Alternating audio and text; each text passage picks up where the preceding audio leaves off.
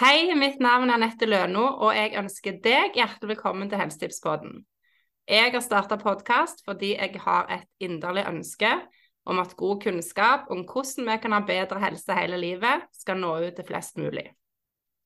Jeg inviterer gjester som kan mye om helse, og ber de om å dele sine beste helsetips med deg.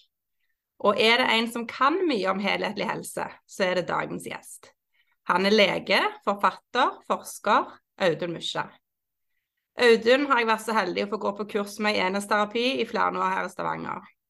I tillegg har jeg òg tatt kurs i musikkbasert miljøbehandling for barn og unge med Audun. Siden dette er min podkast, så har jeg valgt å bruke anledningen til å gi en liten hyllest til dagens gjest. Audun er mitt største forbilde og inspirator innen helse. Han er klok, nysgjerrig, hjertelig, kunnskapssøkende, ydmyk, leken, intellektuell, raus og har en formidabel evne til å se mennesker og dele av sin kunnskap. Etter å ha vært på kurs med Musja, så føler jeg meg alltid ydmyk og takknemlig. Jeg har blitt klokere og fått større innsikt. Jeg har fått svar på ting jeg aldri kunne forestilt meg at jeg lurte på. Og det gir meg alltid motivasjon og nysgjerrighet på å ville lære mer og stå på videre. Jeg skulle gjerne hatt en kopi av den harddisken av en hjerne han har, for den kunnskapen trenger vi alle. Heldigvis så deler han med seg, og det skal han òg gjøre her med oss i dag. Velkommen, Audun. Ja, tusen takk. Og jeg kjente jeg ble helt nervøs, for det, at, eh, det er noen ord som jeg kunne tenkt meg å dele med deg, som jeg vet gjelder for mange òg. Og så er det ikke alltid det blir anledning til å si hvor mye noen kan bety for en. Så derfor tok jeg meg den frihet til det i dag. Mm. Takk. Og jeg er veldig glad for at du har lyst til å være med i podkasten. Og jeg har spurt deg om jeg kan snakke litt om det med musikk og bevegelse og helse, og hvorfor det er så viktig for at vi skal kunne ha god helse hele livet. Mm. Og hva tenker du da? Musikk er jo noe merkelig. Det, um, det er ikke lett å si hva musikk er for noe. Det er jo merkelig for alle samfunn har hatt musikk. Det er jo en del nødvendige ting som vi, vi har for å overleve instinktene våre, driftene våre og samfunn må jo ha sine regelverk. Eh, to ting er sikkert i, i, livet, død og skatt, var det en som sa. Ja, det var det. Men musikk står litt, ut, står litt et annet sted. Tilbake i gamle hulemalerier så det avbilda sånne instrumenter. Og jeg tror jo at det er noe i oss som eh, er dypest sett musikalsk. Eh, Goethe sa jo at der hvor ordene slutter, begynner musikken. Og så er det Victor Hugo som sa at uh, musikken sier det vi ikke kan tale om, men heller ikke tie om. Så det er akkurat som For meg har musikk vært innafor den kliniske delen av det jeg har gjort arbeidet med mennesker, så har det vært noe av det som har kommet inn der det andre ikke har strukket til. Mm. Og så har jo det vokst fram. Jeg syns det er veldig flott at uh, musikk kan hjelpe folk å slappe av litt mer, men f.eks. innenfor demensomsorg eller allerede i arbeid med psykisk utviklingshemma i ungdommen, så så jeg at musikk kunne nå inn til noe mer grunnleggende. Mm. Uh, det, det, var vel egentlig der det starta for mitt vedkommende. Uh, mine vandreår etter videregående så var jeg i Irland og bodde på en antroposofisk biodynamisk gård. Bodde og jobba med psykisk utviklingshemma. Og det var første gang jeg oppdaga at sang og musikk kunne gå inn og både vekke folk med eh, svekka mentale evner, og ikke minst roe ned når de var ute av seg. Mm. For jeg så i helsevesenet som ofte den enkle løsninga bare gi sprøyte. Mm. Men eh, det var jo et medikamentfritt eh, gårdsbruk, og dermed så sto en overfor utfordringer. Jeg visste ikke helt hva de skulle gjøre, dem, dem heller. Og eh, det var jo sånn jeg tilfeldigvis oppdaga at en av de mest utagerende roa seg når jeg spilte akkurat den sangen som jeg hadde sett noen dager før, at han hadde veldig god rytme til, fordi at det jeg seinere lærte, er at han satt der og rugga til musikken. Og det, var, og det er jo Nevrologisk sett så treffer det et organ i hjernen som heter talamus, som er porten til hjernen som screener alle sanseinntrykk. Og ofte når folk er aggressive, utagerende, så er de jo urolige, de er trua, alarmen er skrudd på, de er redde. Og alt det der er kjører i en loop gjennom talamus opp til hjernen og ned til kroppen. Og vi kan jo som regel da stagge oss og si OK, skjerp deg nå, ta det sammen, mm. eller stopp. Men hvis en har hans situasjon, da, eh, med manglende kognitive evner, har ikke han den muligheten. Og da blir det bare å kjøre. Og det å da få han inn i rytmen med den sangen, så tar rytmen til musikken over og setter i gang Sånn at eh, talemus svarer jo på rytme. Mm. Og da med en gang så roer eh, da uh, uroen mellom hjerne og kropp seg momentalt. Og det var jo når jeg begynte å skjønne det, når jeg kunne bruke da jeg for første gang virkelig systematisk tok musikken i helse, et vanlig arbeid i vanlig helsevesenet, på Hospice Lovisenberg med alvorlig syke og døende kreftpasienter. Da var det jo sånn at eh, de lå jo der og hyla når de var veldig urolige og utrygge. Og da var det jo sånn at når alarmen var gått, så beit ikke morfin nesten. Hun kunne kjøre dødelige doser. Så narkomane kan dø av en 300-400 milligram morfin.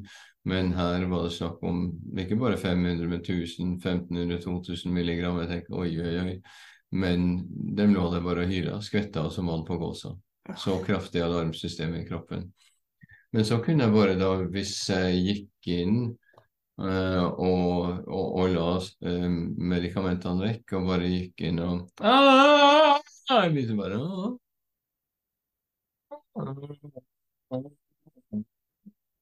synge eller finne et musikkstykke som traff, mm. så opplevde jeg igjen og igjen at smertene ikke bare ble litt mindre, men i flere tilfeller helt borte. Det er helt rått. Det, det er rått, for det, det er jo ikke fordi at da den kreftsvulsten som har infiltrert nervesystemet og utløst smertene, plutselig forsvinner av musikken, mm. men tolkninga av smerten blir, eh, eh blir endra sånn at storehjernen prioriterer noe annet og ikke lenger tenker tanken 'jeg har vondt'. Mm. Så på et vis en avledning, eller ja, det, det kan du si. Avledning, endring, definitivt. Ja. Du avleder fra noe og endrer til noe annet. Og, det, og der er musikk veldig effektivt. Du kan si noe, nei, nå må, du, nå må du bli interessert i noe annet, sånn som prøve med urolige barn. Men musikken kan gå i så direkte. Mm. Det som fascinerer meg alltid eh, Jeg likte veldig godt kirurgi. Jeg ble aldri kirurg.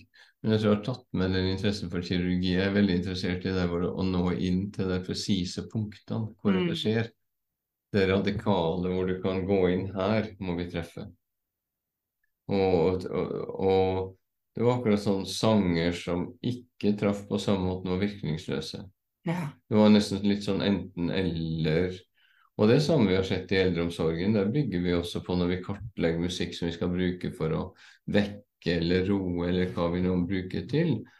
Uh, så er det jo det som nesten treffer. Det virker nesten ikke.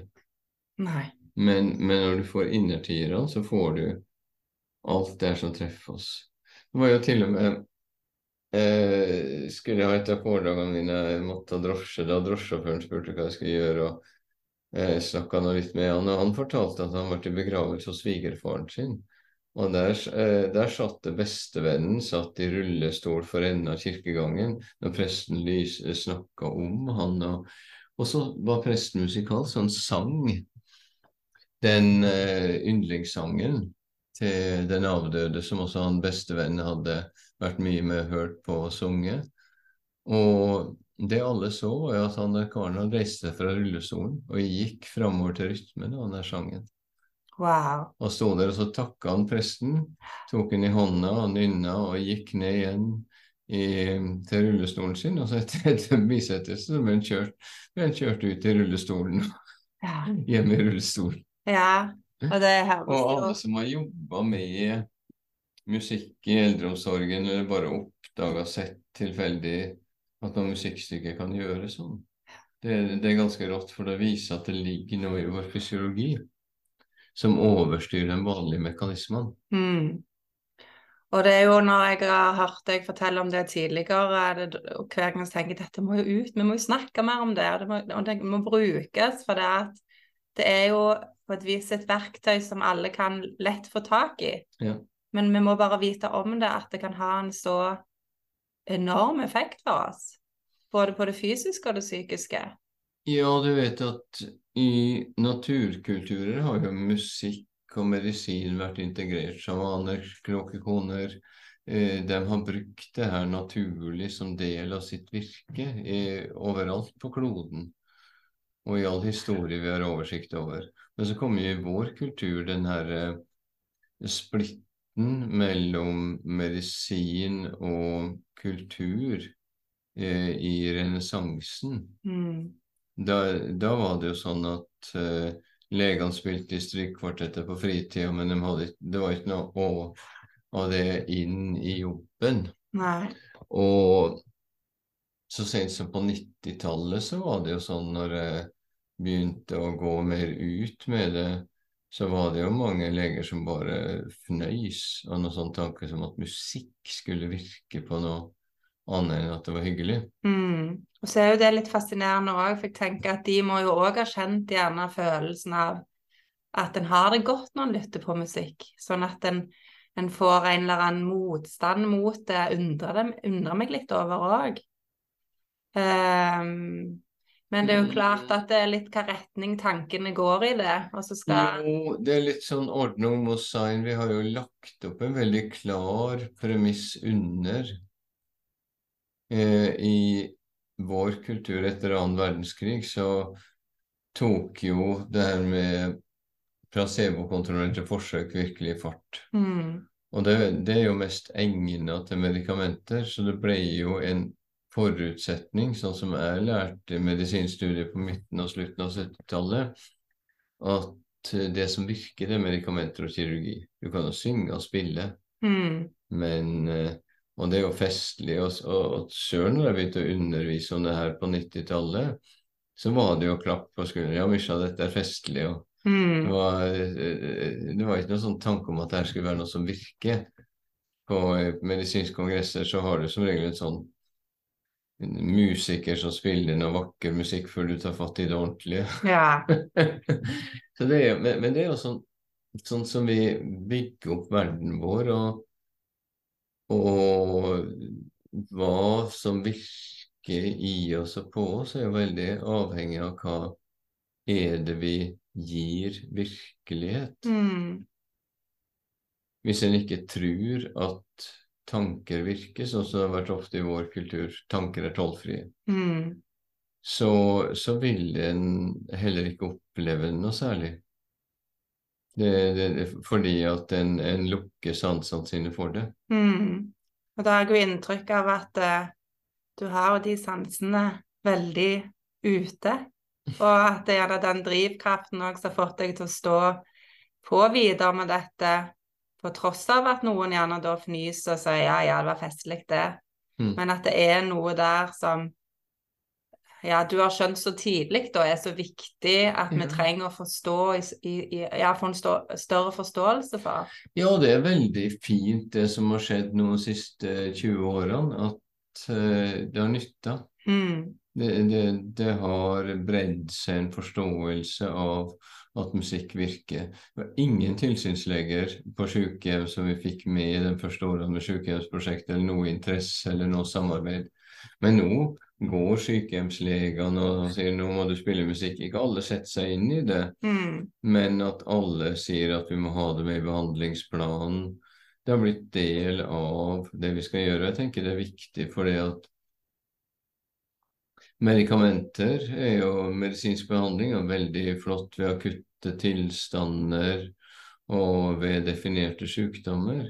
Men det er en stor del av det mennesker sliter med i dag, Mm. som ikke medikamenter eller kirurgi er mest egna Mm. eh, behandlinga for. Og eh, folk opplever jo at musikk gjør noe. Ja. Og det å For meg har det handla om det å kunne systematisere det. Og um, det å gjøre tilgjengelig for vanlige folk. Vi har jo musikkterapeuter, men for meg har det viktigste vært at dem som behandler sårbare mennesker, har tilgang Mm. til et godt verktøyskrin. Mm. Det er sånn eh, eh, Hvis du har et verktøyskrin hvor det bare er en eh, hammer og en knipetang, så er det du kan gjøre ganske mye, men allikevel begrensa. Ja. Så det, det, det, det å ha et uh, rikt verktøyskrin, rett og slett. Ja, og så vet jeg jo sant, at du har enormt mye arbeid med det mot de eldste. Eh, og når jeg tok musikkbasert miljøbehandling for barn og unge, eh, der vi kan bruke disse verktøyene tidlig fra livet av Ja. for å unngå at vi skal bli så syke. Jo, det er jo, det er jo det som jeg tror blir veldig viktig. Det, det er jo noe sånn som jeg føler også. Jeg er veldig fornøyd med det jeg har fått gjort i eldreomsorgen, men personlig, så når det gjelder målgruppe for bruk av musikktiltak, så er jeg mest opptatt av barn og unge. Mm. Det som skjer i barnehage, barneskole, veldig avgjørende år. Og hvis barn blir sittende i vår digitale ver- verden, i passivisert fysisk, så eh, er det, så er det en situasjon som vi må være obs på. Allerede nå kommer det studier som viser at vi har fått et relativt dramatisk nedsatt vindu for oppmerksomhet. Mm. Førskolelærere og lærere snakker om at det er en dramatisk endring i hvor lett det er å få barns oppmerksomhet. Ja. Barn er mye mer distraherbare og mye kortere oppmerksomhetsspenn. Mm. Eh, og, og der er musikk spennende. En av de tingene eh, tilta, eh, En av de eh, beste tiltaksområdene for musikkterapi har vist seg å være oppmerksomhetsforstyrrelser hos barn, ADHD og, andre forstyrrelser, for at musikk kan styrke oppmerksomheten vår. Mm. Hvis du trener på å følge en rytme, følge toner, så trener du oppmerksomhetsvinduet. Mm. Og rytmen i musikken styrker også rytmen i oss, for rytme organiserer. Barn med ADHD vet vi at det er for mye kaos. Mm. De er mer helhetlige hjerne, de har ikke så lett for å fokusere på, bare på språksenteret. Og det kaoset er noe som, eh, som gjør at du verken får tilgang til dine egne ressurser eller, eh, eller til å kommunisere. Mm. Hjernen må velge mellom signal og støy i et gitt øyeblikk. Og hvis støysenderen tar over, da har vi mindre og mindre tak i våre ressurser. Så det å f.eks. hjelpe barn som sliter med oppmerksomhet, hvis du setter i gang rytme Mm. Ting er at læreren istedenfor å stå og dosere med enstonig stemme kan begynne at i dag skal vi lære masse sammen, ja, og amen, alle sammen. I dag skal vi lære om algebra. Det er bra. Hva sa jeg? Algebra. Mm. Altså, for da vet vi at det er mye lettere for hjernen. Ja. Også hvis vi varierer, hvis vi går over i retning av sang istedenfor at vi bare Ja, nå skal vi snakke om musikk. Hvis vi bare tar litt sånn Ja. I um, Nå skal vi lære om Norge etter krigen, etter krigen, etter krigen. Da kom regjeringen Gerhardsen til makten. Gerhardsen, Gerhardsen, velkommen til makten. Gerhardsen! Altså, for det er noe helt annet enn en lærer som bare står og eh, doserer opp på eh, kateteret. Det, Ja, det øker oppmerksomhet, og så vil han jo huske det. Jeg har noen sånne sanger jeg går tilbake igjen til barndommen, og de sitter jo. Jo, det er nettopp det- det. Altså fordi at jeg ser at eh, om jeg har undervisning, så er det jo eh, Det som folk husker, er det som ikke bilder og følelser. Og det, det, det, det som hvis jeg har sunget en sang, så husker jeg det. Mm. Ja, det kan jeg skrive under på. Jeg har vært så heldig å være til stede mange ganger når du har både spilt og sunget. Jo, for det er bare Og, og det handler ikke om flink eller, eller hva det nå er, men det handler om at sangen i det øyeblikket, hvis det er et uttrykk for en sinnsstemning, Mm. kan være en markør, akkurat som jeg har brukt vår beste dag som et slags mantra, en markør, at, at vi, har, vi har makt til det å sette i gang dagene våre på en måte at ikke vi bare Oi, i dag er en dårlig dag, i dag er jeg sliten, i dag vet jeg kommer en dårlig dag, men så sier det riktig. Dagen i dag kan bli vår beste dag. Mm. Eller sette inn eh,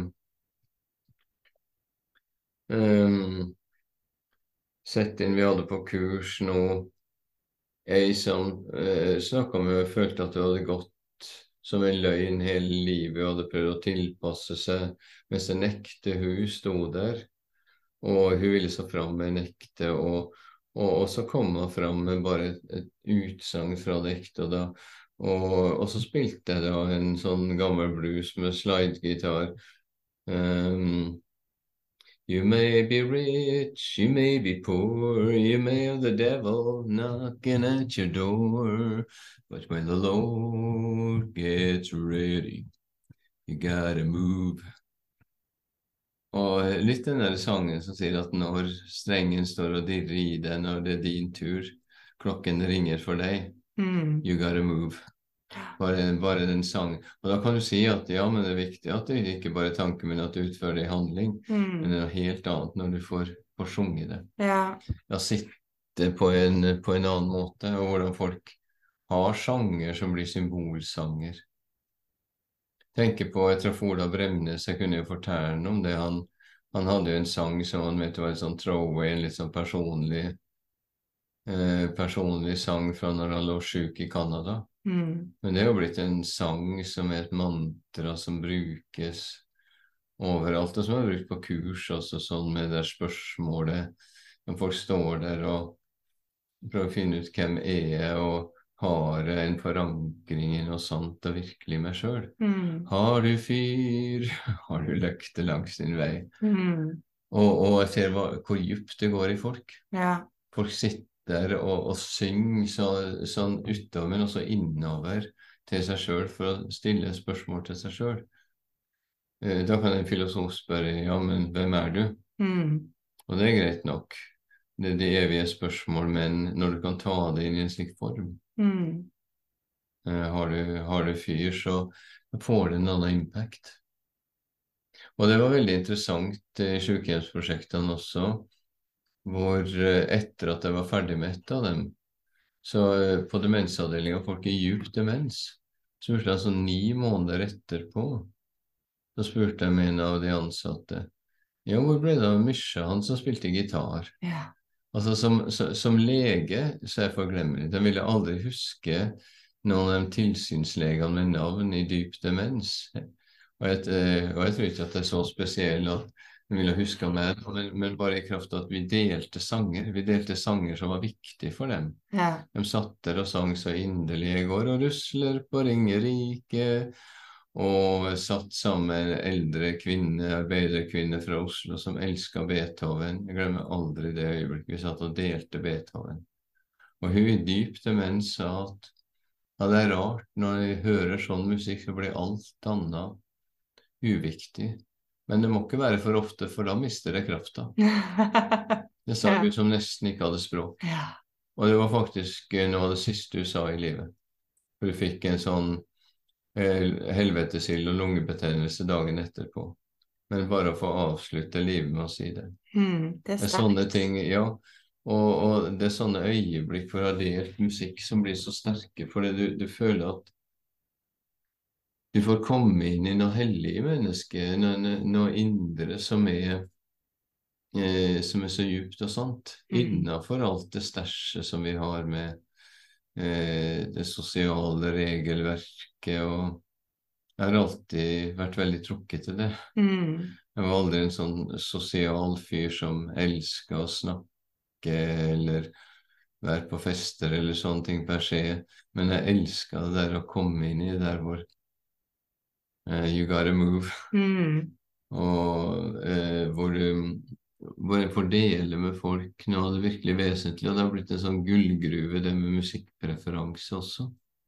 Mm. Du lærer så mye eh, Du lærer så mye om folk eh, på den måten. Hva er det som, hva er det som treffer dem av musikk også? Ja. Hvilke sanger er det? Hva, eh, hva er det som, som ikke vil røre oss? Ja, jeg husker når jeg var med på det kurset der, ble vi bedt alle om å komme med to sanger som eh, ja, som vi likte. Og vi var en ganske stor gruppe. Og jeg tror nesten ikke noen sanger gikk igjen. Og det var at det breie spekteret av ulik musikk var helt fascinerende. Ja da, jeg syns det har vært veldig artig på de kursene. Eh, Det sitter tre venninner ved siden av hverandre, det er sykepleiere som jobber sammen, og de ser jo nokså like ut. Det er sånn, det er sånn eh, Jeg vet ikke om det finnes noe sykepleierutseende, men eh, nokså likt kledd og sånn. eh, Og men så spør dem musikkpreferanse. Han ene så da, Nei, det var en rapper, det var vel Ice-T eller noe sånt som jeg virkelig elsker. Og så andre var i Trondheim der, så det, nei, det er Norge, det, så klart. Ja. Eh, og så tredje sa nei, jeg har eh, min store favoritt er Penderecki, og det er sånn polsk avantgarde-komponist som de lager, og, og særlig strykkvarter. Det er sånn atonale strykkvarter. Det så jo helt lik ut, hun som, Ja, hun som likte Åge. ja, fascinerende. Og det er så eh, og, og ei anna sånn helt vanlig sånn forsiktig hjelpepleier som ser ut som en prototype kvinnen av folket. Og jeg spurte hun hva hennes egentlig Nei, det er sånn rituell stammemusikk hos, uh, hos noe, særlig hos en nordamerikansk indianerstamme, sa hun, som, som virkelig elsker å gå inn i de ritualene der i hinsides tid og rom. Ja. Hun så ut som prototypen, hun så sånn staut kvinne, og de andre For det vekker var- noe liv med det.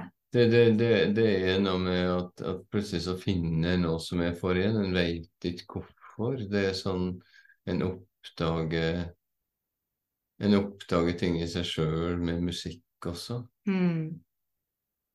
Jeg visste ingenting om India et, når jeg vokste opp, men så hørte jeg indisk musikk i oppveksten. Bare, det bare gikk rett inn i et eller annet. Mm. Og hvor det kommer fra. Jeg har ikke noe læring, noe kulturell læring. Men det var bare noe med hele den måten melodiene gikk på, måten rytmen var satt opp. Ikke den der vanlige sånn one, two, three, four, men, men tablene som gikk i en helt annen rytme som traff meg voldsomt. Mm. Og, og det tror jeg har vært en styrke for meg å jobbe med eldre for, som i dagens Norge kommer fra ulike kulturer, for jeg har alltid interessert meg for etnisk musikk, hvordan de ulike folkeslagene former ut sin kultur, at du forstår så mye av en kultur, også når du ser hva slags musikk utvikler det. Mm. Og, og så når vi har kartlagt musikkpreferanse, hva folk som vi treffer folk, så har det vært å, som en markør inn til det indre mennesket også. Ja. Hva som har forma oss, og både det som er kollektivt og det som er individuelt. Og det er veldig spennende i en tid nå, sånn som i Norge, så er vi ikke en homogen nasjon. Sangskatten er ikke en selvfølge. Nei. Den, den er, den er trua. Vi må, I vår tid så må vi velge, rett og slett. Det er veldig mye som dør ut og forsvinner i internettets tidsalder eh, av det som har vært, hvis vi ikke opplever det som en verdi. Mm. Ja, og når det da er snakk om at en skal ta vekk musikkfaget, og bevisst ha et valg på å fjerne noe som har så mye verdi, eh, det uroer meg jo litt. Jo, det er jo litt sånn tilbake til det her um, som skjedde um, i, i Frankrike, i Bretagne, på, i noen klostre eh, på midten, slutten av 60-tallet, for det andre Vatikankonsilet, så, så, skulle de ha nye regelverk. og eh, De skulle rasjonalisere, de skulle revidere rutinene. og Det var jo bl.a. også der at i klostra så brukte de veldig mye unyttig tid på å synge av. Mm. Litt var jo greit, men men får nå en måte på å stå opp klokka fire om morgenen og synge tidebønner også flere ganger om dagen. Så det endte jo med at de tok vekk tidebønnene. Nå skal dere få slappe av isteden.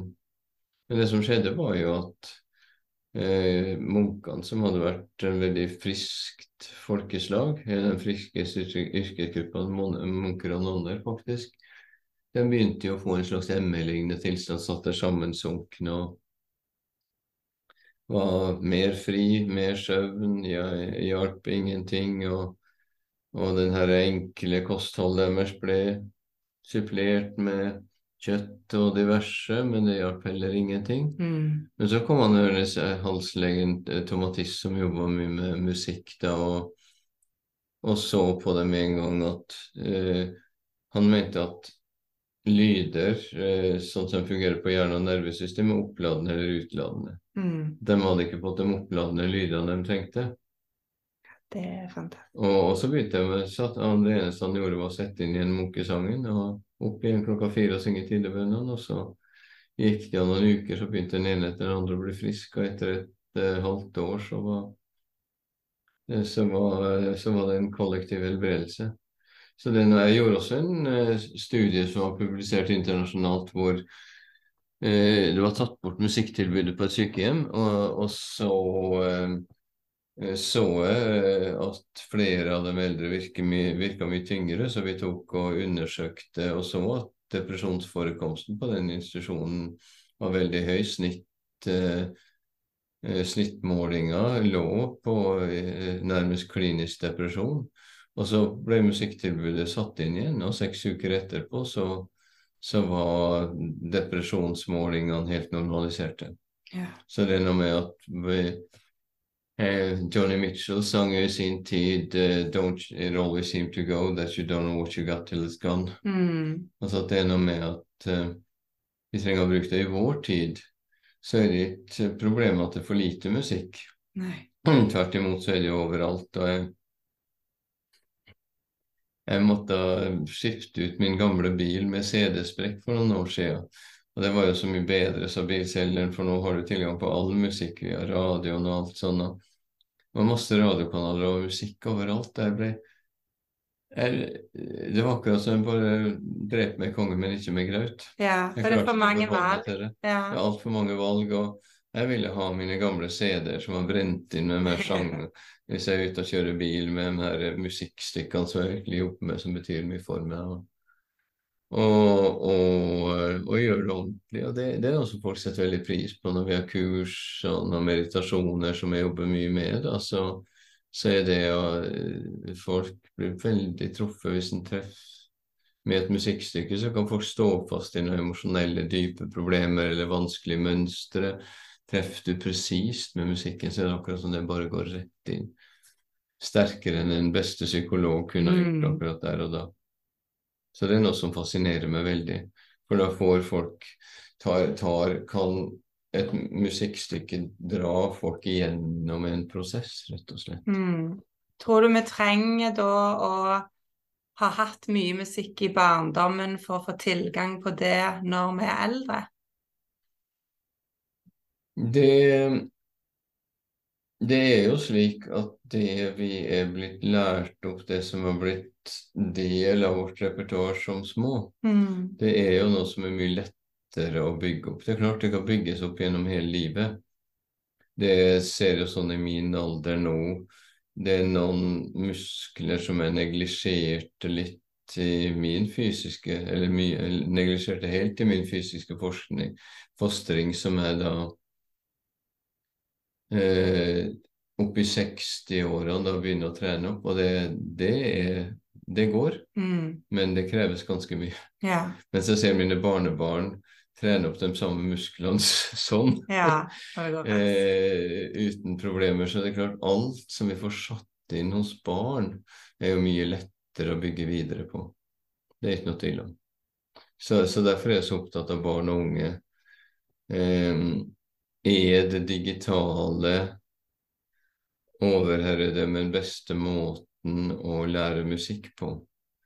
Kan det erstatte sang og bevegelse? Mm. Jeg tror svaret alle som jobber med barn, må komme med nei. Mm. For det grunnleggende i mennesket, det å synge sammen, gå i bevegelse. Jeg husker min bestefar og farfar gikk der med sine fysiske arbeidsoppgaver og, og, og gikk og nynna og sang mm. på sanger de var glad i. Og jeg så en som dro rundt i verden for å se hvor folk var lykkeligst, og han opplevde at den klareste markøren på tilfredshet med livet var der folk gikk og spontan, spontansang. Ja, det er et eksempel for å være i Sør-Afrika for mange år siden, og der var vi i kirka. Jeg kjente igjen den samme sangen som eh, jeg har hørt på her, men de sang jo med en rytme og bevegelse og inderlighet. Ja. Og dette var jo i et veldig fattig område, men jeg har aldri opplevd så mye glede noen gang. Mm. Og så sammenligne med den samme sangen inn til og samme opplevelse i kirka her, der vi må sitte helt i ro og skal helst synge litt lavt og ikke gjøre så mye ut av oss. Mm. For hvordan det vekker oss i et fellesskap òg.